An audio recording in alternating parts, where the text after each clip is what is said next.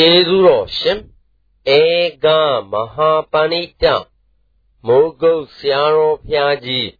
အမရပူရာမြို့မင်္ဂလာရိပ်သာဓမ္မယုံကြီးပေါ်တွင်23ရက်တလ60ခုနှစ်၌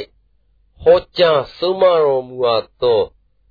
မေဃဗြဟ္မစရိယအကျင့်နှင့်လူမိုက်လန်းဖြတ်ကြရန်တရားတော်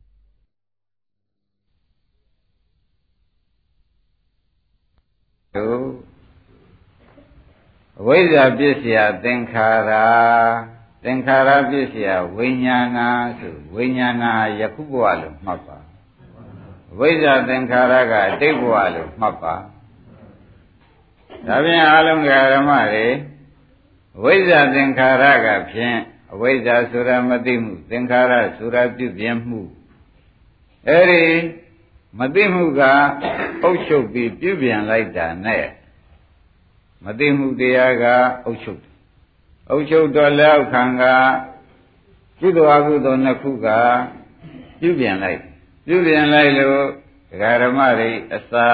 ဝိညာဉ်ဆိုတာပေါ်လာတယ်သဘောကျဒါဖြင့်ဒီဝိညာဉ်လေးဟာလူမိုက်မှလည်း အဝိဇ္ဇာသင်္ခါရကြောင့်ဝိညာဉ်ဖြစ်တာပဲဆိုတာမှတ်ထားတယ်ဒါမေဝံနဲ့ရောက်လာတာဝိညာဉ်ကအစပါပဲလို့မှတ်လိုက်စမ်းပါဝိညာဉ်ဆိုတာဒီကားလို့စင်တကဓမ္မတို့စာမှုဝိညာဉ်ခေါ်နေတာခန္ဓာ၅ပါးပေါ်တာကိုဆိုတာဝိညာဉ်ဆိုတာဒီဝိညာဉ်တစ်ခုတည်းလို့မမှတ်ကြပါနဲ့အခုတရားနာနေတဲ့ခန္ဓာ၅ပါးစပေါ်တာယခုဘဝအမျိုးကောင်းတဲ့စပေါ်တာလို့မှတ်လိုက်တယ် ကောင်းပြီဒါဖြင့်ဒါသတ္တဝါအစဝိဇ္ဇာသင်္ခါရကပြုပြင်လို့ကျွတ်တို့ဒီဘဝအမှုကောင်းကောင်းတဲ့အစာဝေခန္ဓာ၅ပါးပေါ်လာတယ်လို့မှတ်ထားရတယ်။ဒါကုတရားနာနေတဲ့ပုဂ္ဂိုလ်တွေဟာလည်းဒီနှစ်ခုကစလို့ဒီဝိညာဉ်ပေါ်တာပဲ။ဘုရားနောက်နိုင်ငံမှာဂရိရှာမမေရင်ဟိန္ဒူဂျိန်းအစရှိသည်တို့အမျိုးမျိုးပုံပုံနေတဲ့သူတို့လည်း ဝိဇ္ဇာပစ္စယသင်္ခါရသင်္ခါရပစ္စယဝိညာဏပဲတဲ့မထူးပါဘူးထူးကြတယ်ဒါဖြင့်ဒီဘဝမှာလာကြတာကဖြင့်ဒကာဓမ္မတွေသိတဲ့တိုင်အဝိဇ္ဇာသင်္ခါရကြောင့်မိစ္ဆာရိတိလည်းလာတာပဲသမာဓိတိလည်းလာကြတာပဲသမာဓိတိပုဂ္ဂိုလ်ဖြစ်တဲ့ပုဂ္ဂိုလ်လည်းဒီဝိညာဉ်ပဲမိစ္ဆာရိတိဖြစ်တဲ့ပုဂ္ဂိုလ်ကောဝိညာဉ်လာဘုံကတော့ထူးကြတယ် အဲ့ဒါကြောင့်ဘုရားဓမ္မတို့ဘုရားသခင်ကိုရမေကြီးကလူမိုင်းနဲ့လူလိမ္မာလာဘုံမှာအတူတူပါပဲကွာလူမိုင်းနဲ့လူလိမ္မာမှာလာဘုံမှာအတူတူပဲကွာသွားရခရီးမတူဘူးကွာသွားရခရီးကြတော့လာဘုံမှာတော့လာဘုံမှာတူကြပါတယ်သွားရခရီးမှာမတူဘူးဆိုတာမနေ့ကလည်းရှင်းလင်းပြောခဲ့ပါတယ် ဒါကြောင့်ကြည်သာတရားဓမ္မတို့ပြိဿသမုပ္ပါအစနှစ်ခုမှလည်းအတူတူပဲဒီဘဝရောက်တဲ့အခုအနေလေးပြထားတဲ့ခန္ဓာ၅ပါးမှာကိုအတူတူပါပဲလို့ဒကာကျွေကသစ်တို့ဒီတိုင်းမှတ်ရပါထူးသေးရဲ့လားဒကာမဓုရတွေဘဝရင်ပဲပြကြပါအောင်ဆိုဒီဘက်က1နံပါတ်2နံပါတ် ဒါရီဓမ္မတွေသိတဲ့အတိုင်းဩဝိဇ္ဇာသင်္ခါရကြီးပဲမစွန့်နိုင်ဘူးလားကောင်းပြီဒါဖြင့်ဝိညာဉ်ပြီးတော့ဓမ္မတွေရထားတဲ့ပါဠိတော်က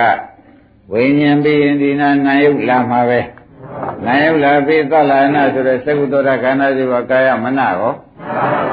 သလနာပြည့်စရာဖတ်တာဆိုတော့ဖတ်တာပြည့်စရာဝေဒနာဆိုတော့ဓမ္မတွေကမှတ်လိုက်တာပေါ့ ဝေဒနာဆိုတော့ဝေဒနာ၃မျိုးလားဒုက္ခဒုက္ခဥပ္ပခါပေါ့ဗျာကောင်းပြီဒါဖြင့်ဒီဘက်ကလူလိမ္မာမှာလည်းဒုက္ခဒုက္ခ၃မျိုးလာမှာပဲအလဲကဒီတိုင်းပေါ့ဗျာဒါဖြင့်ပြစ္ဆုတ်ပံဘဝမှာလည်း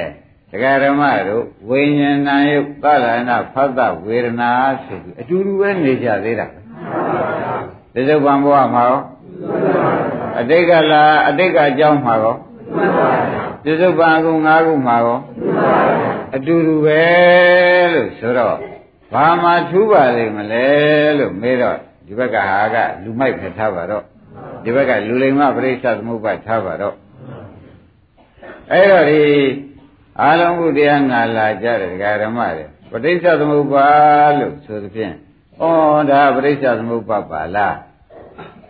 ဒုက္ခနာကတရားပါလားလို့မခွဲခြားလိုက်ပါနဲ့ ဓာတိခန္ဓာပြောနေတယ်လို့ပဲမှတ်လိုက်ပါခန္ဓာကတစ်ခြားပရိစ္ဆေသမုပ္ပါကတစ်ခြားလို့ဒကာဓမ္မတွေကမမှတ်လိုက်ပါနဲ့ခိုင်းတာဖြင့်ဒီဘက်ကအခုတက်နံပါတ်ပြထားတဲ့ခြေပိုင်းကဟာကလူမိုက်မှာတော့ဘာဖြစ်သရုံဆိုတော့ဝေဒနာပစ္စယတဏှာဥပါဒံကံလာတယ်သဘောကျ တဏှာဥပါဒံကံလာတော့လူမိုက်မှာနောက်ဘဝဇာတိမလာဘူးလားကောင်းပြီဒါဖြင့်ဒကာဓမ္မတွေလူမိုက်မှာအနာဂတ်ဟောတာအနာဂတ်ပဲအနာဂတ်ဖြစ်ဖို့ပြစ္ဆုတ်ပံဘဝကလှုပ်ထားတဲ့အကြောင်း၃ကြောင်းပေါ်တယ်လူမိုက်မှာတော့အနာဂတ်အကြောင်းသဘောကျလူမိုက်မှာတော့ဘာပေါ်ပါလဲအနာဂတ်အကြောင်း၃ကြောင်းပေါ်တယ်လို့မှတ်လိုက်စမ်း လူလိမ္မာကြတော့ကိုတဲ့ဒီနာကအကြောင်း၃ကြောင်းချုပ်တယ်လို့ဒကာဓမ္မတွေကမှတ်လိုက်တာပေါ့ဘယ်နဲ့ကြောင့်မှတ်ရပါလဲမတုံးဆိုတော့ဒီဝေဒနာ၃ပါးကိုလည်းသူဖြစ်ပြရှုဝေဒနာရှိကရှိတယ်ဒီဖတ်တာတဲ့သူရှုနိုင်တာပဲဆိုတာသဘောကျအဲသလရဏကိုသူရှုနိုင်တာပဲမဆိုနိုင်ဘူးလားအဲနာယုတ်တွေကို အဲရှုနိုင်တာကြီးပဲဆိုတာသူမှတ်ထားလိုက်တာဟုတ်ဩသူကတော့ဖြင့်အနာကအကြောင်း၃ခုပြတ်တယ်သဘောကျမိုက်ခင်၅ပါးဝင်တဲ့အတွက်ဘာဖြစ်သွားတယ်အနာကအကြောင်း၃ခုပြတ်တယ်လို့ဩလူမိုက်နဲ့လူလိမ္မာယနေ့ဆရာဘုန်းကြီးကမနေ့ကပြောပုံလဲ တမျိုးပဲမှန်တာပဲဒီနေ့ကလည်းမှန်တာပဲလို့ပဲတကယ်ကြတကယ်သစ်တို့သုဖြတ်ချက်ချလူမိုက်မှာအနာကအကြောင်း၃ခုပေါ်တယ်တဏှာဥပါဒံကံပေါ်တယ်သဘောကျလူလိမ္မာမှာအနာကအကြောင်း၃ခုချုပ်တယ်ဘုရုပေါ်တော့ဆိုတော့ဗြဟ္မစရိယမက်ကအကျင့်ပေါ်လာတယ်ဝေဒနာနောက်ကနေပြီးကလာဗြဟ္မစရိယမက်ကအကျင့်ပေါ်လာတယ်သ ဘောကျဒါဖြင့်တရားဓမ္မတို့လူလိမ္မာနဲ့လူမိုက်ဒီခန္ဓာဖြစ်တာချင်းပြစ္ဆုတ်ပံဘဝမှာလဲတူတာပဲအနာအတိတ်အကြောင်းတွေမှာလဲတူကြတာပဲဆိုတော့ဘယ်မှာသွားထူးတယ်ဆိုတာယနေ့ပေါ်သွားတယ်ပြစ္ဆုတ်ပံဘဝမှာပဲလူမိုက်မှာအနာဂတ်ဖြစ်ဖို့အကြောင်းသုံးခုပေါ်လာတယ်ဝေဒနာနောက်ကတဏှာဥပါဒံကံပေါ်တယ်သဘောကျ လူတွေမှာမှာတော့ဒီဝေဒနာသုံးခုနောက်ကနေမဲ့ဆိုတဲ့ဥပဒနာမဲ့တို့လောကုတ္တရာမဲ့တို့ပေါ်လာတယ်ပေါ်လာသောကြောင့်အနာကအကြောင်းသုံးခုချုပ်အနာကအကြောင်းသုံးခုချုပ်တဲ့တွေ့အကျိုးဖြစ်တဲ့ဇာတိဇရာမရဏတွေရောအကျိုးဖြစ်တဲ့ဇာတိဇရာမရဏတွေလည်းချုပ်တယ်ဆိုတော့ဩလူတွေမှာနဲ့ လူမိုက်တွေကားလို့ရှင်ဒကာဓမ္မတို့အနာဂတ်အကြောင်းပေါ်တာနဲ့အနာဂတ်အကြောင်းချုပ်တာကွာတကူဒီလိုထုမှတ်လိုက်ပါဦးကဲလူတွေမှာလူမိုက်မှာတော့ဘာပေါ်ပါလိမ့်အနာဂတ်အကြောင်းသုံးခုပေါ်တော့အနာဂတ်အကျိုးဇာတိဇရာမရဏဘယ်နဲ့နေတော့လာရမှာပဲဒကာကျော်မလာပါနဲ့ဆိုလို့ လူလေးမှာမှာတော့ဖြင့်ဒကာဓမ္မတို့အနာဂတ်အကြောင်းသုံးခုပေါ်သေးရဲ့မပေါ်သောကြောင့်အနာဂတ်အကျိုးဆိုတဲ့ဇာတိဇရာမရဏလာသေးရဲ့အင်းသူ့မှာဘယ်လိုလာလို့ပါလိမ့်မလဲဆိုတော့ဒါလေးပေါ်တယ်မက်ကဗြဟ္မစရိယကျင့်ပေါ်ဝိပဿနာအလုပ်ပေါ်လာတယ်ရှင်းပါဗလားဘာပေါ်လာပါမက်ကဗြဟ္မစရိယကျင့်ဆိုတာလေးပေါ်လာတော့ဩဒါဖြင့် လူမိုက်ကနောက်ပရိသေတွေရတယ်ကိုဒီပရိသေတွေဇာတိဇရာမရဏမရဘူးလားလူလိမ္မာကတော့ဇာတိဇရာမရဏတွေချုပ်သဘောကျလူမိုက်ကအနာဂတ်ကြောင့်သုံးခုပေါ်သောကြောင့်အကျိုးဖြစ်တဲ့ဇာတိဇရာမရဏတွေပေါ်တယ်လူလိမ္မာကမက္ကဗြဟ္မစရိယကျင့်ကျင့်သောကြောင့်အနာဂတ်အကြောင်းတွေချုပ် ချုပ်သောကြောင့်ဇာတိဇရာမရဏတို့ချုပ်ရနိဗ္ဗာန်ပေါ်တယ်မထူးခြားဘူးလားဒါဖြင့်ဒကာဓမ္မတို့လူတွေမှာနဲ့လူမိုက်တွေကလည်းဆင်လာဘုံမှာတူတယ်ပြစ္ဆုတ်ပံမှာအစိတ်ပိုင်းထူတယ်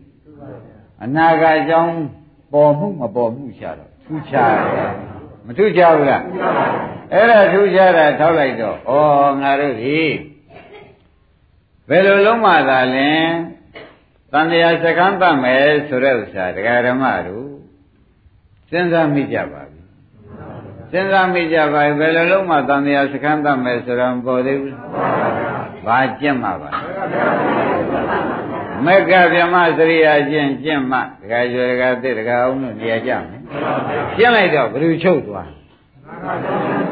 အနာဂတ်အကြောင်းသုံးခုချုပ်သွားတော့အနာဂတ်အကျိုးဖြစ်တဲ့ဇာတိဇရာမရဏဆိုတာတွေလာပြီဒါဖြင့်ဒီဘဝကစပြီးဒီကာလဘယ်ဇာတိမှမလာသောကြောင့်30ဘုံဇာတိအပယ်လေးပါးဇာတိအကုန်ဇာတိဟူ၍ချုပ်ဒါလူလိမ္မာမှာလူမိုက်မှာတော့အနာဂတ်အကြောင်းသုံးခုလာပြီးဒီကာလနေတဲ့တွေ့ဗြဟ္မစရိယကျင့်ကိုမကျင့်တဲ့တွေ့ အပေဇာတိနဲ့ကဇာတိမျိုးစုံဇရာမျိုးစုံမရဏမျိုးစုံလောကမျိုးစုံဒုက္ခမျိုးစုံအကုန်လာတယ်မထူးခြားဘူးလားဩဒါဖြင့်တရားဓမ္မတို့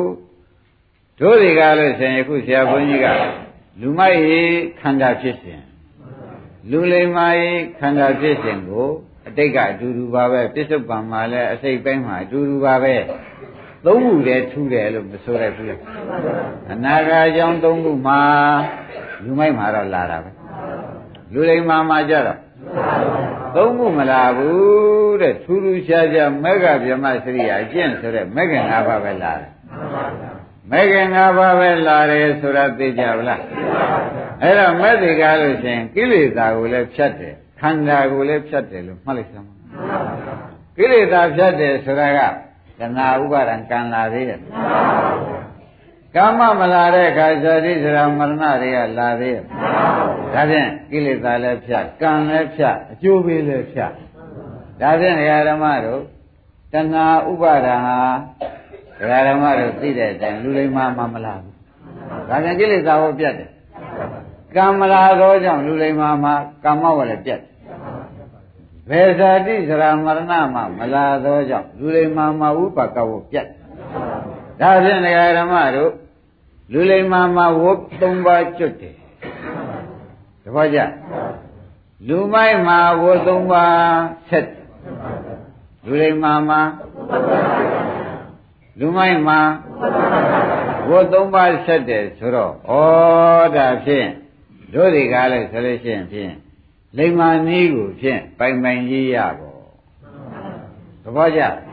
လိမ္မာနည်းကိုဖြင့်ပိုင်ပိုင်ကြီးရပေါ့လို့ဆုံးဖြတ်ချက်ချပါ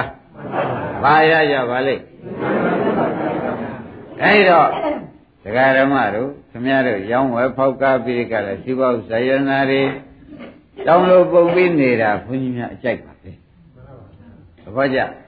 ကျမ်းမာချမ်းသာနေတာလည်းအကြိုက်ပါပဲ စားကောင်းတောက်ကောင်းနဲ့အဲသွားနိုင်လားနိုင်ကြပြီးကအန္တရာယ်ကင်းပေးရှင်းနေတာလည်းအကြိုက်ပါသို့တော့မျက်လုံးတူတူနဲ့မကြိုက်ဘူး။အော်အခုကျမ်းမာဒါတော့သူတို့နောက်မကျမ်းမာဘူးအေးအေးတွေရှိသေးတယ်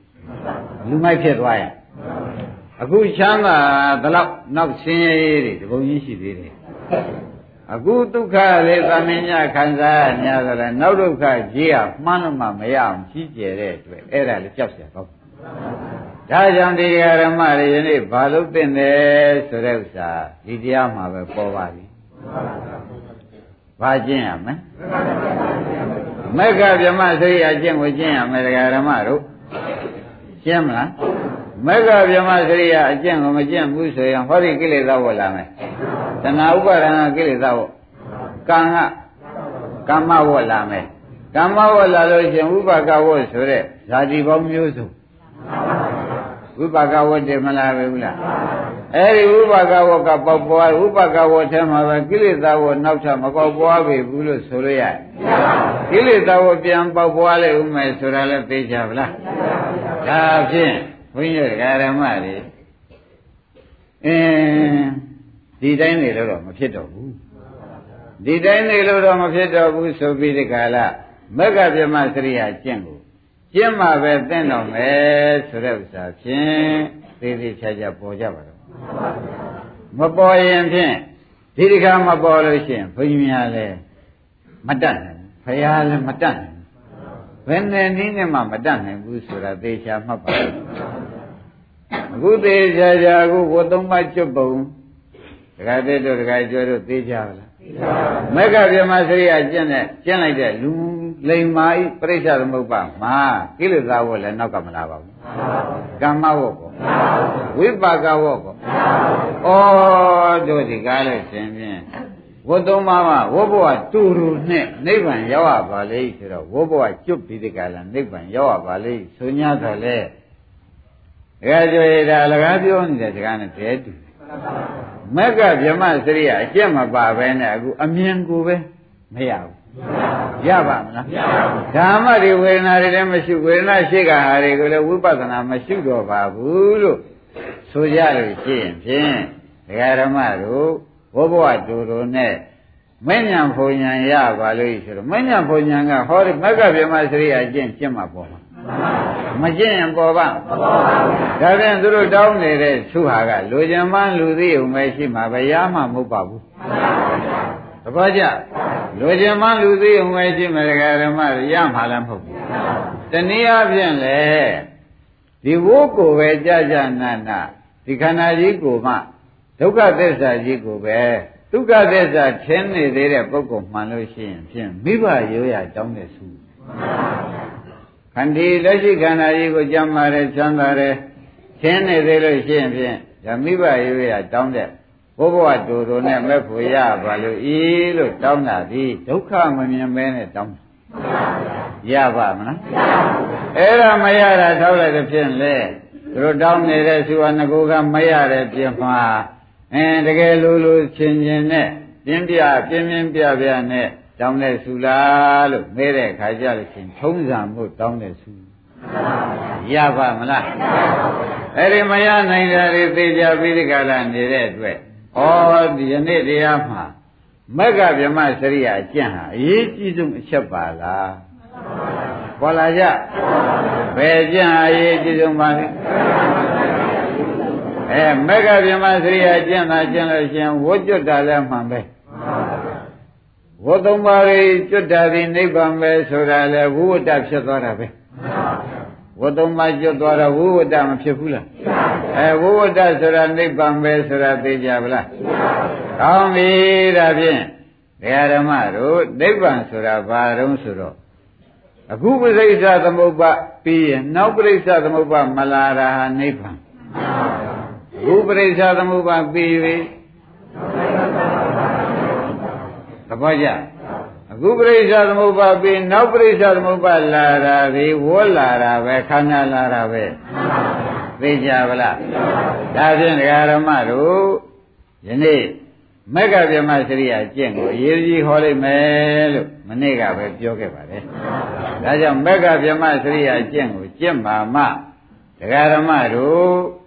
ဝတ်လက်ကျွတ်မယ်နိဗ္ဗာန်လည်းရမဝတ်ကျွတ်တာနိဗ္ဗာန်ပဲလို့ပဲမှတ်လိုက်ပါတော့။သိကြတော့ပါအောင်လို့ကဲသိကြပြီကကြွေဒါဖြင့်ကျင့်ကြဆိုတော့ဆိုတော့ ကျင့်ရမှာကဘယ်နှမျိုးတုံးဖရာကျင့်เสียရှိတဲ့နေရာကဘယ်နှမျိုးတုံးဖရာလို့မေးဖို့မလိုဘူးလားလိုတော့ဒကာဓမ္မတို့ဒီဘက်ကဝိဇ္ဇာသင်္ခါရတွေသာထားလိုက်ပါတော့ဒါအတိတ်ကချုပ်ပြီးသားပျောက်ပြီးသားဖြစ်နေတယ်အဲ့ဒါတွေကိုချုပ်ပါစေတော့ပျောက်ပါစေတော့လို့အတိတ်ဘဝကဟာတွေလည်းချွတ်တို့မသိလည်းမသိပါဘူးရှိလည်းမရှိတော့ပါဘူးရှုလို့မှတ်လို့ဖြစ်နိုင်ပါ ဒါဖြင့်ယခုဘဝအစဝိညာဉ်ကသာမှတ်လိုက်တာပေါ့ဗျာဒါဖြင့်ဝိညာဉ်နာယုတ်နော်သလယနာဖသဝေဒနာသဘောကျဒါဖြင့်ဓမ္မတို့မက္ကဗြဟ္မစရိယာကျင့်ကျင့်ရမှာဘယ်နှမျိုးတုံးဆိုလို့ရှိရင်ရှေ့ဘက်ကဝိညာဉ်ရဲ့နာယုတ်ရဲ့သလယနာဖသရဲ့ဝေဒနာရဲ့ဘယ်နှမျိုးရှိဩဒီ၅မျိုးတို့ ဒီ၅မျိုးအလုံးလုံးမှာပဲဒီပြင်ဟာသွားအလုံးလုံးလို့ဖြေကုန်ဖြေဒီ၅မျိုးကအခုပရိသေကံကိုပြလာတဲ့ပြင်ပုဋ္ဌိကံမှလည်းယခုယခုဆိုတော့တရားနာနေတဲ့အချိန်တရားထုတ်တဲ့ချိန်ဆိုတော့ပရိသေကလွတ်ခဲ့ကြပြီလွတ်ခဲ့ကြတော့ယခုတန်တာမှာဝိညာဉ်ပေါ်တယ်မြင်စိတ်ပေါ်တယ်ကြားစိတ်ပေါ်တယ်ဆိုတော့ဝိညာဉ်ပဲဝိညာဉ်ပေါ်ရင်သူနဲ့ရှင်မရှင်မဖြစ်တဲ့စိတ်စေသိဆိုတဲ့နာယုတ်တွေကမပေါ်ဘူးလားပေါ်ပါဗျာနာယုတ်ပေါ်တယ်ဆိုတော့ သက္ကာယရဏဆိုတော့သလယရဏတွေကမပေါ်ဘူးလားအဲသလယရဏပေါ်သက္ကုတံပါဒကမပေါ်ဘူးလားဘာသာပြည့်စရာဝေဒနာတွေကရောအဲဝေဒနာနောက်ကနေပြိတ္တကာလာဘာလိုက်ကြရမလဲမက္ကဗျမစရိယကျင့်လိုက်ရမယ်တဏမလိုက်နဲ့သဘောကျဒါကလူလိမ္မာမာဒီရှိက1 2 3 4 5ဒီ5ခုကြိုက်ရရှုရ ဒီ၅ခုရှုလိုက်ရင်လူလိမ္မာဖြစ်ပါတယ်ဒါပြင်ရှုစရာပဲနှမျိုးတော့၅မျိုးရှိတယ်ဆိုတော့ဝိညာဏယုတ်တလနာဖသဝေဒနာသဘောကျဘယ်လိုပါလိမ့်ညာဒါဘာတရားပါလေရှုစရာတရားသဘောကျရှုခံရမယ့်တရားတွေဆိုတာသိကြဗလား အဲနောက်ကတော့မက္ကဗြဟ္မစရိယဆိုတာရှုညံတရားရှင်းပိုင်း၅ခုကအရှုခံတရားနောက်ကမက္က၅ပါးကရှုညံတရားဆိုတော့ရှုညံတရားလို့သေချာမှတ်ထားတော့ဩတို့ပြိပရိကံဒိုးလိုက်နေဖို့မလိုပါလားယခုမြင်တဲ့စိတ်ယခုပေါ်တဲ့ဝိညာဏပစ္စယနာမရူပံရေးကြည့်နာမရူပပစ္စယသလနာဆိုတော့အခုပေါ်တဲ့စက္ခုတဖတ်တစက္ခု အရေးကြီးတယ်ဗျာအဲယခုပေါ်တဲ့စက္ခုအရေးကြီးတယ်ယခုပေါ်တဲ့ဖသကောယခုပေါ်တဲ့ဝေဒနာတွေကိုအဲ့ဒါကိုဘာနဲ့ကျင့်ကြရမလဲမက္ခဗြဟ္မစရိယနဲ့ကျင့်လိုက်တော့ဟိုလူမိုက်လို့ဝေဒနာပြည့်စရာတဏှာဥပါဒံကံလာသေးရဲ့ဩဒါဖြင့်တဏှာနေရာမှာမက္ခဗြဟ္မစရိယလာယုံပါပဲဆိုတာပေါ်သွားတယ် ဒီနေ့တော့ဖြင့်မက္ကဗြဟ္မစရိယအကျင့်ကိုကျင့်ကြပါစို့ကျင့်တဲ့အခါမှာကြတော့ရှင်ဘယ်ပစ္စည်းကိုရှုမှတ်ပြီးဒီကလာကျင့်ရမှာလဲလို့မေးတဲ့အခါကြတော့မှဝိညာဏယုတ်သလနာဖတ်တဝေဒနာသဘောကျဘယ်နှခုကျွတ်တို့ဒီရှုရမှာပါလေငါးခုနော် ဝိညာဏယုတ်သလနာဖတ်တဝေဒနာသဘောကျကောင်းပြီဒါကိုမက္ကဗြဟ္မစရိယနဲ့ကျင့်လိုက်ရလို့ရှိရင်ဖြင့်ဒကာဓမ္မတို့ဒီအနာဂတ်အကြောင်းသုံးခုချုပ်၍အနာဂတ်ကျိုးဟု၍အဆက်ပြတ်တော်တယ်ဆိုတာသဘောကျပါပြီသဘောကျအဲ့တော့ဘုရားသခင်ကိုရမေကြီးကဟောလိုက်တယ်ဘာလပဏိတသုတ်မှာဒါဒီဘာလပဏိတသုတ်ပါပဲနော် ကဲကွာတဲ့လူမိုက်လည်းအဝိဇ္ဇသင်္ခါရကလာပြီးဝိညာဏယုတ်သလနာဖသဝေဒနာဖြစ်တာလေလူတွေမှာလည်းဒါလာတာပဲဘာထူးသလုံးဆိုတော့အိုးလူတွေမှာကမဂ္ဂဗြဟ္မစရိယကျင့်ကျင့်တဲ့တွေ့အဝိဇ္ဇာနဲ့တဏှာချုပ်တယ်ကွဘာကြလားဘာချုပ်တယ်အဝိဇ္ဇာနဲ့တဏှာချုပ်တယ်ကွလူမိုက်မှာတော့ဝိဇ္ဇာနဲ့တဏှာပြန်ပြီးဒီကလာပေါ်လာတယ်ကွ ဒါကြောင့်ပရိစ္ဆေသမုပ္ပါပြန်စပြန်တယ်ဆက်ပြန်တယ်လို့ဆိုတာတော့ယုံကြည်ဘူးလားဒါဖြင့်မေဃဗြဟ္မစရိယအလုတ်ဟာဘယ်လောက်ပါလိမ့်မလဲလို့ဒကာကျော်ဒကာသစ်တို့ဒကာအောင်တို့ကမဲလို့ရှိရင်အော်အဝိဇ္ဇာနဲ့တဏှာသတ်တဲ့အလုပ်ပါလားရှင်းမလားဘာသတ်တဲ့အလုပ်အဝိဇ္ဇာနဲ့တဏှာသတ်တဲ့အလုပ်လို့ဆိုရက်စာသေချာမှတ်ပါ အဝိဇ္ဇာတဏှာဝသေနဒွေမူလာနိဝေရိတပါဆိုတဲ့အတိုင်းအဝိဇ္ဇာတဏှာဒီဘဝရေကောင်းမြတ်ဆိုတာလူတိုင်းသိပြီးသားပါအဲ့ဒီရေကောင်းမြတ်တစ်ခုပြတ်တော့ဘဝရေသောမြင်တစ်ခုပြတ်သွားတော့ဘယ်ခန္ဓာဘယ်ဘဝပေါ်မလဲမပေါ်တော့ဘူးဆိုတော့သစ်ပင်ရေသောမြင်ပြတ်တဲ့သစ်ပင်မှာမရှင်နိုင်မလန်းနိုင်ကြလို့ပေါ့ဗျာဘယ်နည်းနဲ့မှကြီးစရာထွားစရာခိုင်စရာသီးပွင့်ပေါက်စရာဒီပင်မျိုးနောက်ထပ်ဆက်စရာ ရှိသေးရဲ့လားအဲ့ဒီမှာသူမသေးကြဘူးလားဒါဖြင့်ဒကာရမတို့မက္ခဗြဟ္မစရိယအကျင့်ကျင့်ခိုင်းတာဘာပါလိမ့်မလို့လို့မဲတဲ့အခါကြတော့မှအဝိဇ္ဇာနဲ့တဏှာအချုပ်ခိုင်းတာမှတ်တာပါမှတ်တာပါတရားဓမ္မမက္ကဗြဟ္မစရိယကျင့်ကျင့်တဲ့အတွက်အဝိဇ္ဇာနဲ့တဏှာချုပ်တယ်ကွာအဝိဇ္ဇာနဲ့တဏှာချုပ်တော့ကိုဒုက္ခအစုကြီးကော အဝိဇ္ဇာနဲ့တဏှာမချုပ်လို့ရှိရင်ဖြင့်ကျတို့ဒီခန္ဓာကြီးပြန်ပေါ်ဆိုဒီဘက်ကအဝိဇ္ဇာဒီဘက်ကသင်္ခါရထဲမှာတဏှာလည်းပါနေအပုံညာပိသင်္ခါရဆိုတာတဏှာပဲသိကြပါလားအဲ့တော့ဝိဇ္ဇာနဲ့တဏှာကျတို့လွန်မိသားမချုပ်နိုင်သားလွန်မိသားကတော့လွန်မိသားမကျတို့ခန္ဓာရပြီပြီမဟုတ်လားနောက်ဘဝကဝိဇ္ဇာနဲ့တဏှာကြောင့်ကျတို့မှယခု ခန္ဓာဆိုတဲ့ငါးမျိုးပရိစ္ဆေသမုပ္ပါကိုယ်ပိုင်ရမထားသေးဘူးလားဝိညာဏယသလနာဖတ်တဝေဒနာတွေရမထားသေးဘူးလားအဲဒါနောက်ဘဝဝိဇ္ဇာအတိတ်ဘဝကဝိဇ္ဇာတဏှာတို့ကြောင့်ဆိုရင်လွယ်ပါဒါဖြင့်ဒီဘဝဝိဇ္ဇာတဏှာချုပ်လိုက်ရလို့ရှိရင်ဖြင့်ဒီဝိညာဏယုတ်သလနာဖတ်တဝေဒနာဆိုတဲ့ဒုက္ခသစ္စာ၅ချက်လာပါဦးမလားဒါကြက်ကြက်စဉ်းစားပါ အဲဝိညာဏယုတ်သလနာဖတ်တဝေဒနာဒီ၅ခုပါသစ္စာပါလေဒုက္ခသစ္စာပါသူကဖြစ်ဖြစ်တွေကိုဗျဖြစ်လိုက်ဖြစ်လိုက်ဖြစ်လိုက်ဖြစ်လိုက်ဆိုတော့ဝိပရိနာမလက္ခဏာဒုက္ခသစ္စာဆိုတော့ဖြစ်ဖြစ်ဒုက္ခသစ္စာ၅ချက်တွေကจิตတို့မှနေတိုင်းရမျိုးလုံးပေါက်ကလည်း၅ချက်ပေါ်လိုက်နာပေါက်ကအဲနှာခေါင်းပေါက်ကအာမနောပေါက်ကဒါတွေလက်နေတော့ကျွတ်တို့တစ်နေ့လုံးဘာတွေလက်နေတော့ ဒုက္ခသစ္စာတွေလဲနေတာပဲဒုက္ခသစ္စာစလိုက်ဒုက္ခသစ္စာဆုံးလိုက်အင်းမျက်လုံးဖွင့်လိုက်ဒုက္ခသစ္စာစဒုက္ခသစ္စာဆုံးအင်းနားလေးထောင်လိုက်ရင်ကော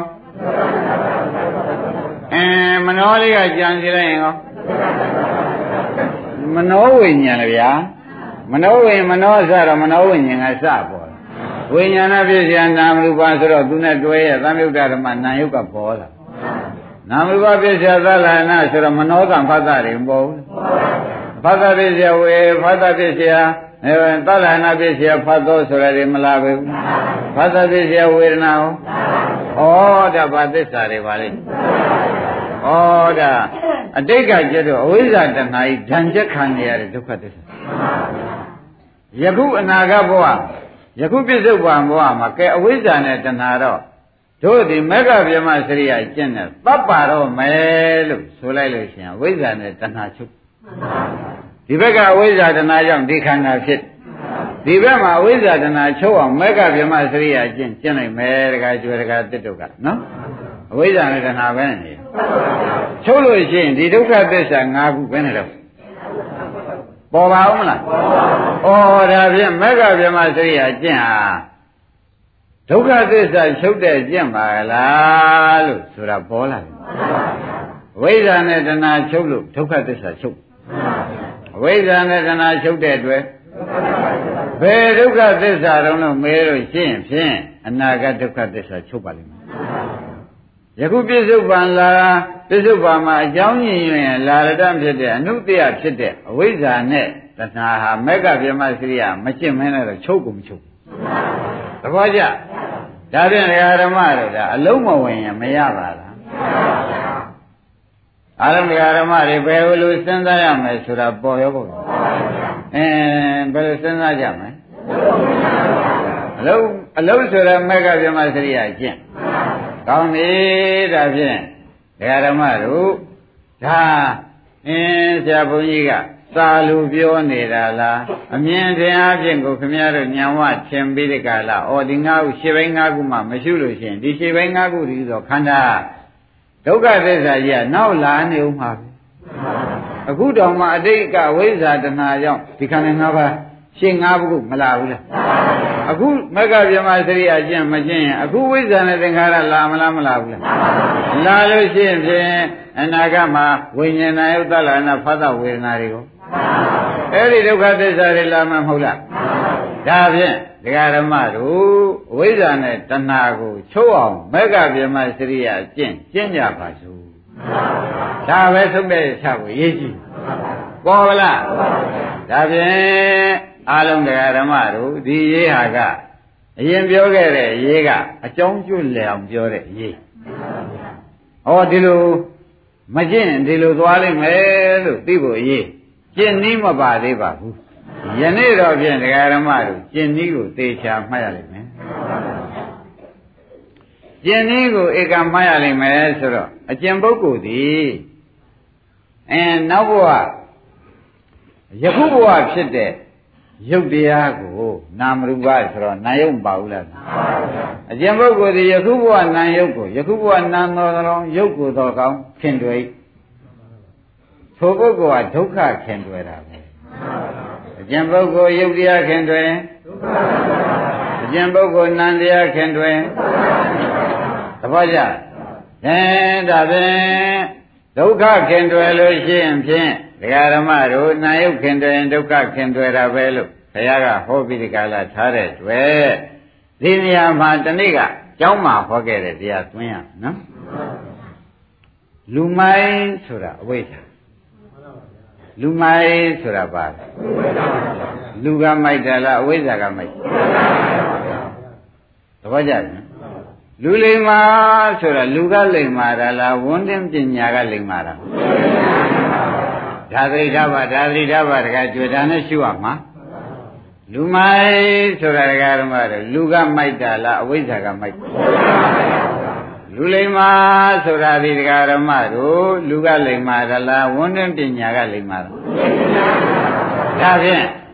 လူမိုက်တို့အသေဝနာစဘာလနာပေါ့ဗျာနော်လူမိုက်ကိုလူမိုက်ကိုခမရတို့မမှီဝဲပါနဲ့ဟမ်လူမိုက်တွေမှီဝဲတဲ့လမ်းကိုမမှီဝဲပါနဲ့လူလိမ္မာတွေမှီဝဲတာကိုဒါဖြင့် အဝိဇ္ဇာရှိတဲ့ပုဂ္ဂိုလ်ကတော့ဟောဒီဝိညာဏယုတ်သလနာဖတ်တဝေဒနာတို့ကိုဝိညာဉ်ကိုလည်းငါစိတ်လို့သူဆိုတာဒါအဝိဇ္ဇာကမှီဝဲသဘောကျဘယ်သူကမှီဝဲတာဒါဖြင့်အဝိဇ္ဇာကလူမိုက်သဘောကျသူမှီဝဲတာကဒကာရမတွေသူစိတ်ကိုငါထင်ပြီးမှီဝဲလိုက်မိုက်လို့ဖြစ်သွားတယ်လူမိုက်ဖြစ်မသွားသေးဘူးလားသိကြပါလား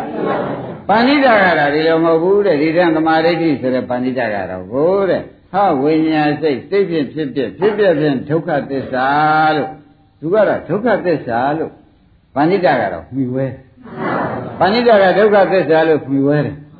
လူမိုက်ကတော့ငါငါဥစ္စာလို့ယုံနာဓမ္မကိုမှီဝဲမကွာဘူးလား ကြကြစဉ်းစားပါခင်ဗျားတို့မေ့ကြမလို့လူမိုက်မှီဝဲတာကတော့ခန္ဓာ၅ပါးကိုငါငါဥစ္စာလို့အဝိဇ္ဇာကမှီဝဲတယ်ပညာကတော့ငါငါဥစ္စာမဟုတ်ဘူးဒုက္ခသစ္စာပဲလို့မှီဝဲတယ်အဲဒီလိုမှီဝဲတာမှန်လို့ရှိရင်ဣဒ္ဓမင်္ဂလာမုဒ္ဓမာပဲဥဒ္ဓမာမြတ်သောမင်္ဂလာနိဗ္ဗာန်မင်္ဂလာဟူ၍အာငါပြားသည်ယူဤဟောတော်မူ၏ဒါမင်္ဂလာအဆက်ပဲနိဗ္ဗာန်တည်းကြီးကျယ်တဲ့မင်္ဂလာမရှိပါဘူးဒါကြောင့် လူမိုက်လူလိမ္မာဆိုတာတခါသေးတခါကျော်တခါအောင်တို့ကွဲပါလားအဝိဇ္ဇာနဲ့မှီဝဲနေလို့ရှိရင်ဖြင့်ယုံနာဓမ္မတွေငါပဲသူပဲလို့မှီဝဲနေလို့ရှိရင်ဖြင့်အဝိဇ္ဇာကမှီဝဲတယ်ဒါဖြင့်အတေဝနာစဘာရဏမကြဘူးလားမမှီဝဲကောင်းတာကိုဘာလုပ်လဲအဲအနိစ္စဒုက္ခအနတ္တကိုဒကာဓမ္မတို့ငါပဲသူပဲလို့အဝိဇ္ဇာကမှီဝဲနေ အနိစ္စဒုက္ခအနတ္တကိုငါပဲသူပဲလို့အဲဒါပြန်အတေဝနာစဘာရဏမဲ့ပညာကတော့ဘို့တဲ့အနိစ္စဒုက္ခအနတ္တကိုအနိစ္စဒုက္ခအနတ္တလို့ပဲမှီဝဲပြီးဒီကလာနေတယ်ပွားများနေတယ်စိတ်ကနေတယ်သဘောကျလားဒါပါဏိတာနဲ့စသေဝနာမေပါဏိတာပြလို့မြှဝဲတဲ့တာမြှဝဲနေတယ်သဘောကျအဲ့တော့ဒါဘယ်နဲ့ကြောင့်ဆရာဘုန်းကြီးကဟောရပါလိမ့်မလဲ အဝိဇ္ဇာကမြှဝဲပုံကယုံနာတွေကိုငါသူတစ်ပါးလို့မြှဝဲပညာကမြှဝဲတာယုံနာဓမ္မတွေကိုအနိစ္စဒုက္ခအနတ္တဒုက္ခသစ္စာလို့မြှဝဲရ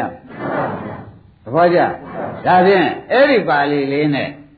ဘာလာတွေမြှဝဲမှုနဲ့ဒကာကျွဲတို့ဒကာသစ်တို့ကမမြှဝဲပဲနဲ့ပညာရှိတွေမြှဝဲနည်းနဲ့ဒီ၅ပါးကိုမြှဝဲကြပါ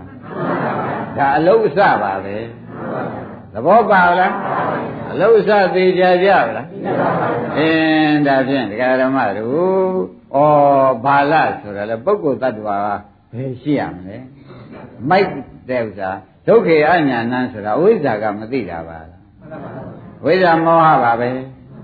ပါဏိတဆိုတာလေပညာရှိပညာရှိဆိုတော့ယုံနာဓမ္မကတော့သူများလိုပဲပုဒ်တာတိုးတာပဲသဘောကျအင်းပညာကနေထိုးရင်းသိတာပါလားဆိုတာသဘောကျ အဲ့ဒါကြောင့်ပရမတ်နယ်ကနေရှားလိုက်တဲ့ခါကျတော့ကိုအဝိဇ္ဇာဟာပါလားပညာပဏိတာအဲ့တော့ပညာရှိမိဝဲနည်းနဲ့ယုံနာကိုမိဝဲပါလူမိုက်မိဝဲနည်းနဲ့ငါကိုငါဟာငါဥစ္စာလို့မမိဝဲလိုက်ပါနဲ့ငါကိုငါဟာငါဥစ္စာမဟုတ်တဲ့သဘောနဲ့မိဝဲလိုက်ပါပညာရှိမိဝဲနည်းနဲ့ထိုကဲ့သို့ပညာရှိမိဝဲလိုက်တော့ပညာဆိုတာဒီမဲ့ကငါးပါးတွေကသမာဓိပေါ်လာတဲ့ သမာဓိပေါ်လာတဲ့တွေ့အဝိဇ္ဇာလားဝိဇ္ဇာလားဝိဇ္ဇာဝိဇ္ဇာဖြစ်သွားပြီနော်ဝိဇ္ဇာလာတဲ့ကဝိဇ္ဇာချုပ်ပြီတခါရှိဘိန်းက၅ခုကိုဒကာဓမ္မတွေသိတဲ့တိုင်းနဲ့အဖြစ်အပျက်တွေကိုရှုပြီးဒီကလာဩဝနိစ္စတွေပါလားဒုက္ခတွေပါလားအနတ္တတွေပါလားဒုက္ခသစ္စာတွေပါလားလို့တိဋ္ဌာန်၄ပါးကြက်ရနဲ့ပွားတာပေါ့ဗျာထိုကဲ့သို့ကြက်ရနဲ့ပွားလိုက်တဲ့အခါကြလို့ရှင်းဖြင့်တဲ့ မက္ခဗြဟ္မစရိယာနဲ့ပွားလိုက်တဲ့အခါတဏှာကလာသေးတယ်။ဩဒါဖြင့်အဝိဇ္ဇာနဲ့တဏှာချုပ်တယ်ဆိုတာမက္ခဗြဟ္မစရိယာအလုပ်ပါလား။ဝိဇ္ဇာနဲ့တဏှာချုပ်တယ်ဆိုတာဘာပါလိမ့်မက္ခဗြဟ္မစရိယာအကျင့်မက္ခဗြဟ္မစရိယာအလုပ်ဆိုတာသိကြပါလား။ဒါဖြင့်တရားဓမ္မတို့ဒီမက္ခငါးပါးတဲ့တမာရိဋ္ဌိမက္ခဝိဇ္ဇာပဲမဟုတ်လား။သူလာရင်ဘယ်လိုချုပ်မလဲ။ အဲသူနဲ့ရှုနေတော့တဏှာဥပါဒံကံနောက်ကလာသေးတယ်။အဲတဏှာလည်းချုပ်။ဒါဖြင့်အဝိဇ္ဇာလည်းချုပ်တဏှာလည်းချုပ်တော့ကြောင်းဒကာရမတို့နောက်ပိုင်းပြန်ကြည့်လိုက်အတိတ်ဘဝကအဝိဇ္ဇာတဏှာကြောင့်ယခုကျွတ်တို့ပြိဿသမုပ္ပါ၅ခုပေါ်တယ်ဝိဇ္ဇာတဏှာကြောင့်ပေါ်ဘူးလားအခုမဂ္ဂဗြဟ္မစရိယကျင့်ကျင့်လိုက်တော့ကိုမဂ္ဂဗြဟ္မစရိယကျင့်တဲ့မှာလဲဝိဇ္ဇာကပါနေ သူကျင့်နေတဲ့အတွက်နောက်ကတဏှာရောလာသေးရဲ့အဝိဇ္ဇာနဲ့တဏှာဘာဖြစ်တယ်ချုပ်သွားလို့ရှိရင်ဒီ၅ပါးဆိုတဲ့ဝိညာဏယုတ်သလနာဖတ်တဝေဒနာဆိုတဲ့ခန္ဓာ၅ပါးပေါ်ဦးမလားမပေါ်လို့ရှိရင်ခန္ဓာ၅ပါးဘာသစ္စာတော့ဟာဒုက္ခသစ္စာချုပ်ပါပေါ်လားလို့ဆိုတာသူများပြောလားသေချာကြအခုအမြင်ပဲလားသေချာကြအမြင်ဖြစ်လေတော့ကြောင့်ဩတဲ့ဆရာဘုန်းကြီးသွန်သင်ဆုံးမြဆုံးမပါ ပဲ့ပြန်နေတဲ့ဥစ္စာဒီဘာပါလိမ့်မလဲလို့တန်ရမရှိနဲ့အဝိဇ္ဇာနဲ့တဏှာကိုချုပ်သောကြောင့်ခန္ဓာငါးဒီဝိညာဏယုတ်ကလာနဲ့ဖတ်တဝေဒနာပဲနဲ့လာသေးရဲ့အခုလာနေတာအခုကျွတ်တို့ရှုရရှိနေတာကဘယ်လိုပဲလို့ဒါတွေပေါ်နေတယ်ဆိုတာကိုသိပလားအဲအတိတ်ဘဝကအတိတ်ဘဝကဝိဇ္ဇာနဲ့တဏှာလုတ်ပြင် ဒါကြောင့်အခုရှုစရာဒုက္ခသစ္စာကြီးမပြတ်တွေ့မနေဘူးလားဒါရင်ရှိပေစီတော့ဒီကမက္ခဗြဟ္မစရိယာကျင့်ကျင့်လိုက်တော့မက္ခဗြဟ္မစရိယာထဲမှာကဝိဇ္ဇာပါတော့ပြီသူကျင့်နေတဲ့ခိုက်တိုင်တဏှာကနောက်ဆက်လာသေးတယ်ဒါပြန်ဝိဇ္ဇာနဲ့တဏှာချုပ်မချုပ်ချုပ်လို့ရှိရင်ဒီဝိညာဏယုတ်သလနာဖသဝေဒနာနောက်လာမဲ့တရားဘယ်လိုဆိုကြမလာတော့မလာတော့ဘာသစ္စာ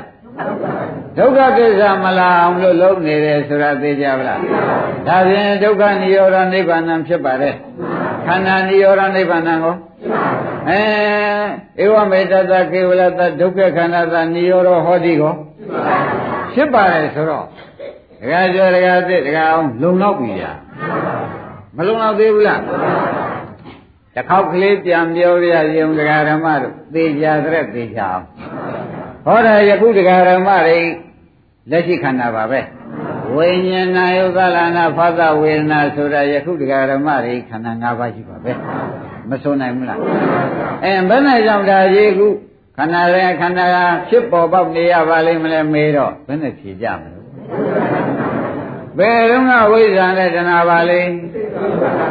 သိကြပြီတခါသိတခါအောင်သိကြပါလားဒါဖြင့် အဲ့ဒီအတိတ်ကကျွတ်တို့လှမ်းတတ်နေလေတော့ဖြစ်ဘူးအခုမက္ခဗြဟ္မစရိယရှင်းလိုက်ရလို့ရှင်းဖြင့်ဒကာဓမ္မတို့အဝိဇ္ဇာလည်းလာပါဦးမလားတဏှာလည်းတဏှာလည်းမလာတော့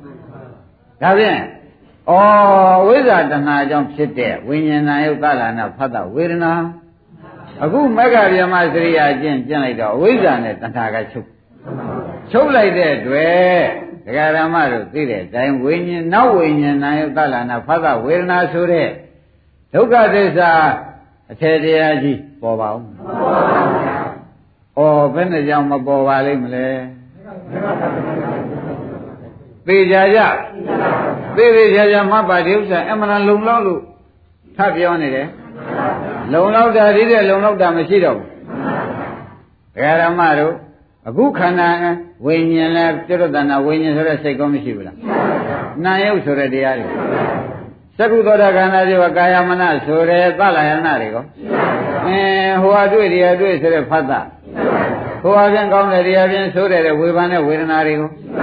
အဲဒကာတက်တို့ဒကာကျွဲတို့ဒါတွေယခုဘယ်နဲ့ကြောင့်ခန္ဓာထဲမှာဒီဟာတွေထပ်ပြန်တယ်လေဖြစ်လိုက်ပြက်လိုက်နဲ့နေပါလိမ့်မလဲလို့ကမေးကြည့် အတိတ်ကအဝိဇ္ဇာသင်္ခါရမဆုံးနိုင်ဘူးလားကဲဒါဖြင့်အတိတ်ကဝိဇ္ဇာသင်္ခါရကြောင့်ဖြစ်တဲ့အကျိုးကဖြင့်သူတို့အခုကိုရှုလို့မကုန်နိုင်အောင်ဖြစ်ကုန်နိုင်လေရဲ့အဲအတိတ်ကလည်းပေါ်ပြစ္ဆုတ်ပါမှာအကြောင်းရင်းချင်းလို့ပေါ်တဲ့နိုင်ရုပ်တွေကလည်းမချုပ်နိုင်လို့ပေါ်နေမရှိဘူးလားဗျာ။ဒါရင်ဒါဖြင့်မက္ကဗျမစရိယာကျင့်ကျင့်ကြဆိုဝါဝုပဒနာရှုကြဆိုဆိုတော့ဝိပဿနာမဲ့ထဲမှာပဲ သမာဓိဋ္ဌိဝိဇ္ဇာမပါဘူးလေအင်းသူနဲ့ရှုရင်ပြန်ဝိဇ္ဇာကဘယ်နဲ့နေလဲတဏှာကတော့ဒကာရမတို့ဝေဒနာနောက်ကနေပြီးကျွတ်တို့ကမက္ကဗျမစရိယာကျင့်ကျင့်ဒါကိုဒီဝေဒနာ၃ပါးမက္ကဗျမစရိယာကျင့်ကျင့်လိုက်တဲ့ဝေဒနာပြည့်စရာတဏှာကိုလည်းမက္ကနေဆက်ဖြတ်ချင်မဖြတ်ဘူးလားဒါပြန်မက္ကဗျမစရိယာကျင့်ပြီးဘာကိုတတ်တဲ့ကျင့်ပါလိမ့်မလို့ထဲပါအောင်တလုံး ဝိဇ္ဇာလည်းဒီကသူကဝိဇ္ဇာပါနေပြီဝိဇ္ဇာပါတယ်ဝိဇ္ဇာကရောသေးနေဘူးလားအမလေးပါတာမဟုတ်ဘူးသေးနေတာသဘောကျအဲ့တော့ကိုမဂ္ဂင်၅ပါးထဲမှာသမာဓိမဂ္ဂင်ဟာဝိဇ္ဇာလားဝိဇ္ဇာလား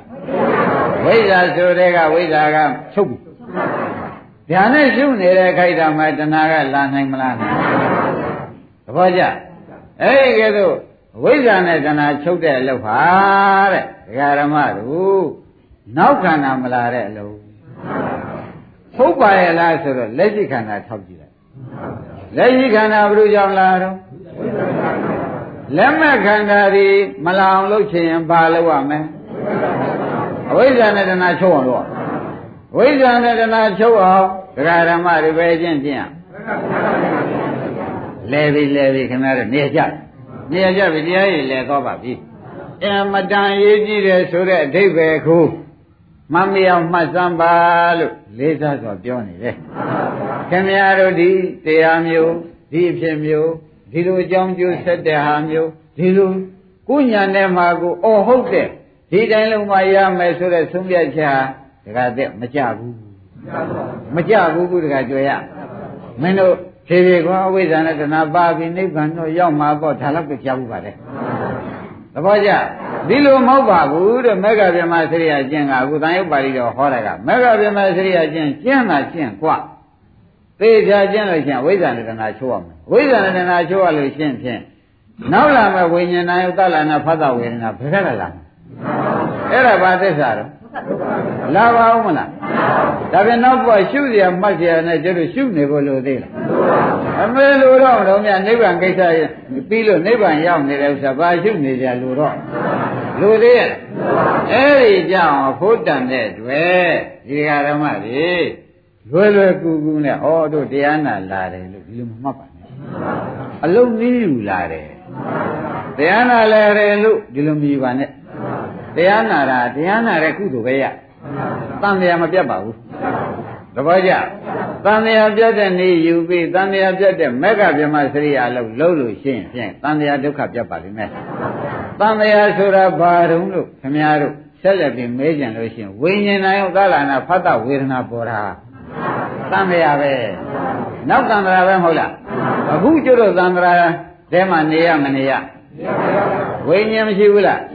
နာယုတ် သလယနာဖသဝေဒနာအခုဒီကဓမ္မတွေပဲထဲနေကြတယ်ဒီကူ၅ပါးတန်ត្រာတွေလဲနေတာပဲ၅ပါးတန်ត្រာဘာသစ္စာတော့အာတနေ့လုံးပါတွေလဲနေတော့အဲဒါအဝိဇ္ဇာနဲ့တဏှာကလှုပ်လွတ်လိုက်ဒီတကာအဝိဇ္ဇာနဲ့တဏှာချုပ်တဲ့အလုပ်ကိုမလုပ်တော့ပါဘူးလို့ခမည်းတော်ခိုင်းနဲ့ခပ်ပြေးပြေးနေကြမယ်သွားပြီ ဘယ်သူမှနေပေမဲ့လို့မရှိဘူးလို့ဆုံးဖြတ်ချက်ချပါဘယ်သူနေပေမလို့မရှိတော့ဘူးဆိုတော့သေချာမှတ်ပါအဲဒါကြောင့်မက္ကဗြဟ္မစရိယကျင့်ဆိုတာဒီအဝိဇ္ဇာတတ်တဲ့ကျင့်တဏှာတတ်တဲ့ကျင့်ဒါကြောင့်နောက်ခန္ဓာဒုက္ခသစ္စာပြတ်တဲ့လို့ဖြစ်လေသောကြောင့်ခမည်းတော်ဒုက္ခချုပ်တဲ့နေဒုက္ခချုပ်တာနိဗ္ဗာန်စစ်ဖဲဆိုတာသေချာမှတ်ပြီးဒီကလာမက္ကဗြဟ္မစရိယကျင့်မှတပါး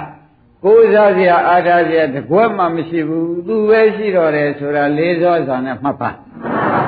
ဒီပြင်ပြင်ဘာမှပြောစရာမရှိတော့ဘူးဒါပဲအကုရာစစ်ရှိတော့တယ်ဆိုတာပေါ်လားဒါရင်ဒါဖြင့်မေဃဗြဟ္မစရိယအကျင့်အဖို့တံဘုံဘာပေါ်လားဘာတတ်တယ်မြတ်သူအဝိဇ္ဇာနဲ့တဏှာတတ်နော်အင်းတိတော့မတတ်ခဲ့လို့ဘာဘာသစ္စာကြီးရတယ် အင်းဒီကမတတ်ဘူးဆိုရင်ဘာရရအောင်ဩဒါဖြင့်ဒီတိုင်းနေဒုက္ခသစ္စာရမှာအခုရထားတာလည်းဘာသစ္စာလဲအဲရိုးရအတိုင်းနေလိုက်ဥမဲ့ဆိုရင်အဲဒုက္ခသစ္စာဒီထောင်ပြီးဟိုထောင်ပြောင်းလို့ရှိမှာပါပဲထောင်ကတော့လွဲရမပါပါဘူးသဘောကျလားအဲလူပြေထောင်ပြီးလို့ရှိရင်ငရဲထောင်ပြောင်းခြင်းပြောင်းနတ်ပြေထောင်ပြောင်းခြင်းပြောင်းပြောင်းတာပြောင်းထောင်တော့ထောင်ပဲတယောဘဝေအတုကရံဝိယတထဗံကို တယောဘဝေဘုံသုံးပါးဤဟူသောဘဝ၌ဝါဘဝတို့ကိုအတုကရံဝိယနှောင်ရင်ကြီးသုံးခုကဲ့သို့ဝါထောင်ကြီးသုံးခုကဲ့သို့ဓာတ်ထပမှတ်ရမယ်ကွာမှတ်ရပဲဘူးလားဟိုပုံရောက်ပြန်တော့ဟိုတောင်ကြတာပဲဒီပုံရောက်ပြန်တော့ကဲတော့ခင်ဗျားတို့အဝိဇ္ဇာနဲ့တရားမချုပ်ရင်တို့အလုပ်ပါတော့လို့မင်းထောင်ပြောင်းလို့ကွာရှင်းမလားအဝိဇ္ဇာနဲ့တရားမချုပ်ရင်တို့အလုပ်ပါပါလိမ့် ထောင်ပြောင်းလို့ဆိုတော့ထောင်ကျွဲ့လို့မပါဘူးပါသေးရဲ့လားတခါကျဘယ်လို့သိကြလဲဘာမချုပ်လို့လို့ဝိသဒနာဘယ်နဲ့ကြောင့်မချုပ်ပါလဲတခါသိကဲမကျင်းလို့ပဲကျွတ်တော့အခုဘယ်ထောင်ကပြောင်းလာတယ်မသိဘူးလူပြေထောင်နဲ့ရောက်နေတာမှန်တယ်တပတ်ကြဒီဘဝမကျင်းမြန်မှုဆိုလို့ရှိရင်ဖြင့်အဲငရဲထောင်များပြောင်းမလားတိရစ္ဆာန်ထောင်ပဲ ပြောင်းမလားမပြောတတ်ဘူးပြောင်းမှာတော့ထောင်တစ်ခုတော့သိချတယ်။တစ်ချက်ကတော့သိကြပြီးသားပဲ။ဘယ်နေရာလို့တော့မသိဘူးပြောင်းတော့ပြောင်းရလိမ့်မယ်။တခါကျဘယ်နေရာပြောင်းကျင်တော့ဘယ်နေရာမှမပြောင်းကျင်ဘူးဆိုလို့မပြီးသေးဘူး။မဂ္ဂဗြဟ္မစရိယာလို့ကိုပိုင်ပိုင်လို့မှထောင်မိတ်ချမဲ့ဝိဇ္ဇာနဲ့တဏှာတွေကကျွတ်တို့ကိုပတ်လာလိုက်မှာပဲ။ ညမရင်ထောင်ပဲထောင်ပြောင်းလိုက်ဆိုတဲ့မိတ်အာနာရိယဝိဇ္ဇာနဲ့တဏှာကတခါတည်းစာရေးပြီးဒီကလာကျွတ်တို့ကိုအိတ်ထဲထဲနေမှာပဲ။သဘောကျ။ကောင်းပြီဒါဖြင့်ဒကာဓမ္မတို့ဘာလုပ်ရမှာလဲ။ကျင့်စရာရှေ့ရှေ့မှာဘယ်နှမျိုးရှိလဲ။ဩဒါဖြင့်နေရာကြလိုက်တာ။ကျင့်စရာ၅မျိုးရှိတယ်။ဆိုတော့ဒကာကျေဘာကျင့်ရမှမသိဘူးဆိုတဲ့ပုဂ္ဂိုလ်ဟာ ဒီနေ့ရှင်းသွားတယ်ဘယ်အကျင့်ရမှာတော့လို့မေးတော့ဝိညာဉ်ရှုခြင်းရှုနာယံရုပ်ကိုကောအဲသုဒ္ဓရခန္ဓာဇေဝကာဆိုတဲ့ရုပ်တွေကောမနဆိုတဲ့စိတ်ကောအဲသလအနာတွေကကြိုက်တာရှုဖတ်တာတွေကောဝေဒနာသုံးမျိုးကောအဲကြိုက်တာရှုဒကာဓမ္မတို့ဒီငါးခုတည်းကကြိုက်ရတစ်ခုခုရှုမက္ကဗြဟ္မစေရဖြစ်တာကြီးပဲဩတို့ငကိုယ်တော်ကတော့ ဘာရှုရမှမသိဘူးဆိုတော့တို့ပေါ်တဲ့စိတ်ကစရှုဆိုတော့ဝိညာဉ်ကစရှုတို့ပေါ်တဲ့စိတ်ကစရှုပါဒကာဓမ္မတို့ခမရတို့ဘယ်ကစရှုပေါ်တဲ့စိတ်ကစရှုနော်အင်းပေါ်တဲ့စိတ်ဆိုတော့ဘာပါလိမ့်မလို့လို့မေးတော့ဘုရားရှင်မှာထိုင်လိုက်တာဟုတ်ဗျာထိုင်လိုက်တဲ့အခါကျတော့ဘာမှမရှုခင်ကလေးကအသက်ကလေးရှူခြင်းတဲ့စိတ်ကလေးပေါ်လာပြီအဲရှိုက်ခြင်းတဲ့စိတ်ကလေးအဲဒီပေါ်တဲ့စိတ်ကလေးဖြစ်တဲ့ရှူ ဘာလို့လဲဝိညာဉ်ကစရကိုဗျဝိညာဉ်ကစရတာတကယ်တည်းမကြိုက်ဘူးလားအဲ့ဒါကဘာဥပဒနာတော့မွေးတော့ဟိုစိတ်တ ानु ဥပဒနာဥပဒနာလေသဘောကျဘာဥပဒနာပါလိမ့်ရှင်းမလားအဲဒါကစရှူပြီးဒီကာလနေတာပေါ့အာဒါတပိတော်ကဒီဟာအမိနဲသေးတယ်ဖရာဆိုလို့ရှိရင်ဖြင့်ဒကာဓမ္မတို့ရုပ်ကိုရှုခြင်းရှုဆိုတော့ နာမရူပလို့မလားဘူးလားအဲရုပ်ရှုတော့ဒီရုပ်ကလည်းဒကာဓမ္မတွေပြီးတဲ့တိုင်းလှုပ်လိုက်အဲငြိမ်လိုက်လှုပ်လိုက်ငြိမ်လိုက်ပူလိုက်အေးလိုက်ဟုတ်လားမရှိဘူးလားအဲ့ဒါလေးလေးလည်းအင်းတစ်ခုဖြစ်ပြီးတစ်ခုပြတ်တာပဲဖြစ်ပြီးပြတ်တာပဲဖြစ်ပြီးပြတ်တာပဲလို့ညာနဲ့ရှိနေမရဘူးလားဗျအင်းဒီထဲကနေပြီးဒီကလာဒကာဓမ္မတို့ရှုကျင်လို့ရှိရင်ဖြင့်ဘဝလေးမှတ်တရားလေးမှမှတ်ပြီးပြတ်တာပဲမှတ်ပြီးပြတ်တာပဲဆိုတာနာရှုပြန်တာပဲ ဒကာမျိုးလုံးရုပ်နာရုပ်နှာခေါင်းရုပ်ရှုမယ်ဆိုတော့သလာနာရှုတာပဲဖတ်တာရှုကျင်လည်းရှုပေါ့ဗျာအဲဝေဒနာရှုကျင်တဲ့ရှေ့ပိုင်းကဒုက္ခဒုက္ခဥပ္ပခါပေါ်ပြီဘူးလားအဲကောင်းတာလေခန္ဓာကိုယ်ထဲမှာကောင်းလိုက်တာဆိုတဲ့စိတ်ကလေးပေါ်လာရင်လည်းဒုက္ခဝေဒနာအဲမကောင်းပါဘူးဆိုတဲ့စိတ်ကလေးပေါ်လာအသိအသိမှာပဲဆိုတဲ့သဘောလေးပေါ်လာအဲဒီဝေဒနာတွေပေါ်လာလို့ရှိရင်လည်းဒကာဓမ္မဝေဒနာသုံးမျိုးကိုအော်ဖြစ်ပြီးပြတဲ့ဓမ္မပဲဖြစ်ပြီးပြတဲ့ဓမ္မပဲလို့ရှုပေးပါရှုပေးလိုက်တော့ ဩဒီရှုစရာ၅မျိုးတွေကကြိုက်တာရှုလို့ဆရာဘုန်းကြီးကဟောတယ်ကြိုက်တာဘုရုခန္ဓာတုံးလို့မေးတော့မှအိုးတရားဓမ္မရှုသောပုဂ္ဂိုလ်ကြီးရှေ့ပိုင်းကခန္ဓာဘယ်နဲ့ဆိုကြရှေ့ပိုင်းကခန္ဓာဆိုဆိုရှေ့ပိုင်းကပရိစ္ဆေသမုပ္ပါပဲဆိုဆိုပရိစ္ဆေသမုပ္ပါနဲ့ခန္ဓာနဲ့တခြားစီမြည်လိုက်ပါနဲ့ပရိစ္ဆေသမုပ္ပါဒီပဲနဲ့ခန္ဓာခန္ဓာဒီပဲနဲ့ပရိစ္ဆေသမုပ္ပါဒီပဲနဲ့သစ္စာဒုက္ခသစ္စာ ဒုက္ခသစ္စာဒီပဲနဲ့ပရိစ္ဆေသမုပ္ပါအတူတူပဲဒါကြောင့်ခင်ဗျားတို့ကအင်းတချို့ကမင်းအခန္ဓာကနားလေအာရဏနားမလဲသူမင်းလို့အောင်လုံးမနေနဲ့အပိုးလေးမင်းကသစ္စာနားမလဲသူအဲ့ဒါလုံးလဲလုံးမနေနဲ့အပိုးလေးဒီခန္ဓာကြီးဒီတရားဓမ္မရူပဒနာညာနဲ့ရှိဒါဟာပေါင်းလိုက်လို့ရှိရင်ဖြင့်ခန္ဓာ၅ပါးကောဖြစ်ဘူးအဲအာရဏ7ပါးကော အဲဓာတ်78ပါးကောအဲဒီရှိဘင်းကသစ္စာဖွဲ့လိုက်တော့ကိုဒုက္ခသစ္စာတွေဖြစ်ပြတယ်ပဲဘာသစ္စာဖွဲ့အဲဒါတော့ကိုယ်ပိုင်သစ္စာကိုယ်စားလဲဝဲတဲ့သစ္စာကသူ့ဟာသူ၄ပါးရင်းနေတာသဘောကျကိုယ့်ဟာကိုယ်သစ္စာကိုသိရမယ်သစ္စာဆိုတာဓမ္မတို့ဖြစ်လိုက်ပြလိုက်နေတာဒုက္ခသစ္စာဖြစ်လိုက်ပြလိုက်နေတာအင်းဖြစ်ပြမှုကို ဖြစ်မှုပြမှုကဒကာဓမ္မတွေဘယ်နည်းနဲ့မှမလွန်နိုင်တော့ဖြစ်တယ်ဖြစ်တယ်ဆိုရဲဇာတိဒရာမရဏတွေပဲစားဝါပလိုက်လို့ကုန်သွားကုန်သွားလို့ခန္ဓာသဘောကျလားအာရဏတဲ့သူတို့ကိုရှုရင်ရှုမရှုရင်တဏှာဥပါဒံစီသွားမယ်အဲ့ဒီလိုချက်သွားမှာဆိုလို့သူတို့ဟာအာရဏတွေကွသူရှုရင်ရှုမရှုရင်ဒီဘက်တဏှာဥပါဒံမလာပဲဘူးလားအဲတဏှာဥပါဒံလာတော့သံဃာမချက်ပဲအဲချက်ရတော့ကြောင့်အာရဏကွာရှု သဘောကျဒီလိုညာထဲမှာရှင်းတယ်လို့ရှင်းဖွဲ့ဖို့မလိုတော့ပါဘူးဒါတွေကဓာတ်တွေမှာဟုတ်ပါရဲ့လားလို့မေးလိုက်တဲ့အခါကျတော့ဖတ်တာကလည်းသူ့ဟာသူတွေ့ထီသူ့ဟာသူချုပ်တာဝေဒနာသူ့ဟာသူအကြောင်းအားဖြင့်ခံစားခံစားပြီးချုပ်တော့သူ့သဘောသူဆောင်တာပဲရှိသူ့သဘောသူဆောင်တော့ဘာခေါ်ကြဓာတ်လို့ခေါ်လိုက်တာကိုရှင်းမလားသူ့သဘောသူဆောင်တော့အဲဒီဘက်မှာ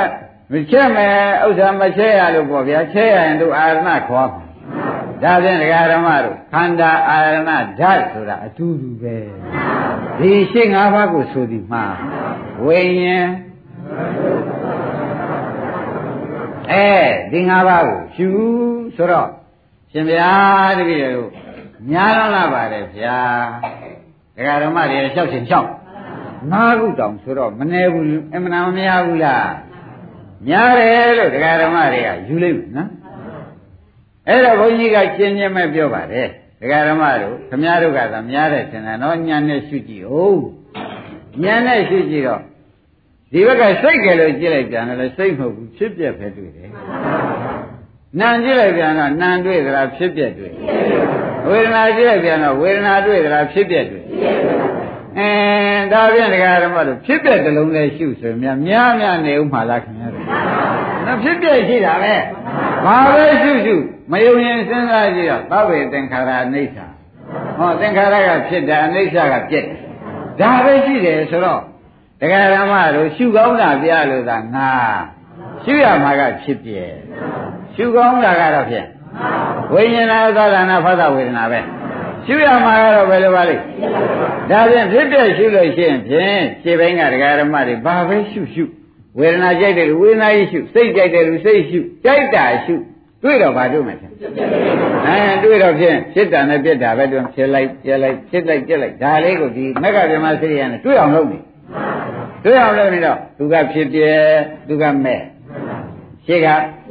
အင်းသူကမဲ့ဆိုတော့နောက်ကတဏှာဥပါဒံကံတွေကလာသေးမလားတော့တဏှာမလားတော့တဏှာသေးဖြစ်ပြမြင်တော့အဝိဇ္ဇာကသိဖြစ်ပြမြင်တော့သဘောကျအဲနောက်ကံပြပြတာကတဏှာသေးလို့ဆိုတော့ဩမက္ကဗြဟ္မစရိယကျင့်အဝိဇ္ဇာနဲ့တဏှာချုပ်တဏှာချုပ်တော့ဒီရှေ့ဘင်းက၅ပါးဒီဒီဘက်ဆက်အောင်မလားမဆက်တော့ဩဒီလိုရှုနေတဲ့အတွက်ခန္ဓာသတ်သိမ့်တယ် အာရဏအင်းဓာဒုက္ခသစ္စာရောတရားဓမ္မတွေဒါဖြင့်ဒီဖြင့်ပြတ်မှသိမ့်မှာပါလားဆိုတာသဘောကျဒါဖြင့်ဒီ၅ပါးရှေ့ဘင်း၅ပါးကိုဖြစ်တဲ့ရှုရတယ်နောက်ကဘာဖြစ်ရမလဲဒါရင်ဖြစ်ပြမဲနောက်ကတဏှာဥပါဒံကဘာဖြစ်တော့ချုပ်တယ် တဏှာဥပါဒံချုပ်တယ်ဆိုတော့အဝိဇ္ဇာနဲ့တဏှာအဝိဇ္ဇာကဟောဒီ၅ပါးအောက်မှာချုပ်တဏှာကအချက်ဖြတ်လိုက်တဲ့အတွက်တဏှာကမလာဘူးသဘောကျအဲ့တော့ဒီဝေဒနာလေးရှုလိုက်တာပေါ့ဒကာရမတို့ရှုလိုက်တော့ဝေဒနာနိရောဓတဏှာနိရောဓဖြစ်ပါဝေဒနာနိရောဓဘယ်မဲ့ကြောင့်တဏှာနိရောဓဖြစ်တော့ဝေဒနာကလည်းဖြစ်ပြဖြစ်ပြီးပြတ်သွားတော့နိရောဓဖြစ်တဏှာကလည်းဒကာရမတို့လာစီမြေကလည်းဒကာရမနိရောဓဖြစ်ရ